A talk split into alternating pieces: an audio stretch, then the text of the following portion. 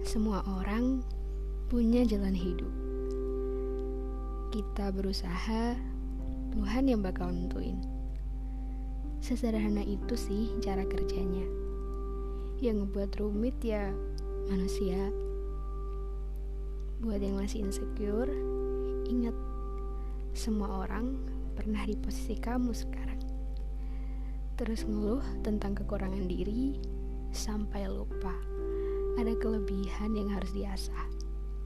Ada nikmat sehat yang harus disyukuri. Layaknya kita dengan harta yang kita miliki sekarang. Kita akan ngerasa cukup kalau kita lihat orang di bawah kita yang mungkin gak seberuntung kita. Percaya deh, kalau kita bisa belajar memahami hidup dari mereka.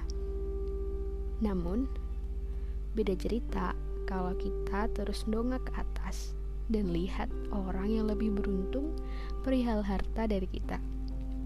Kita akan ngerasa kurang karena sibuk menyamai mereka dan lupa caranya bersyukur. Jadi, sampai sini, paham kan? Mulai sekarang, nikmati setiap detik, detak, dan nafas yang masih kau miliki.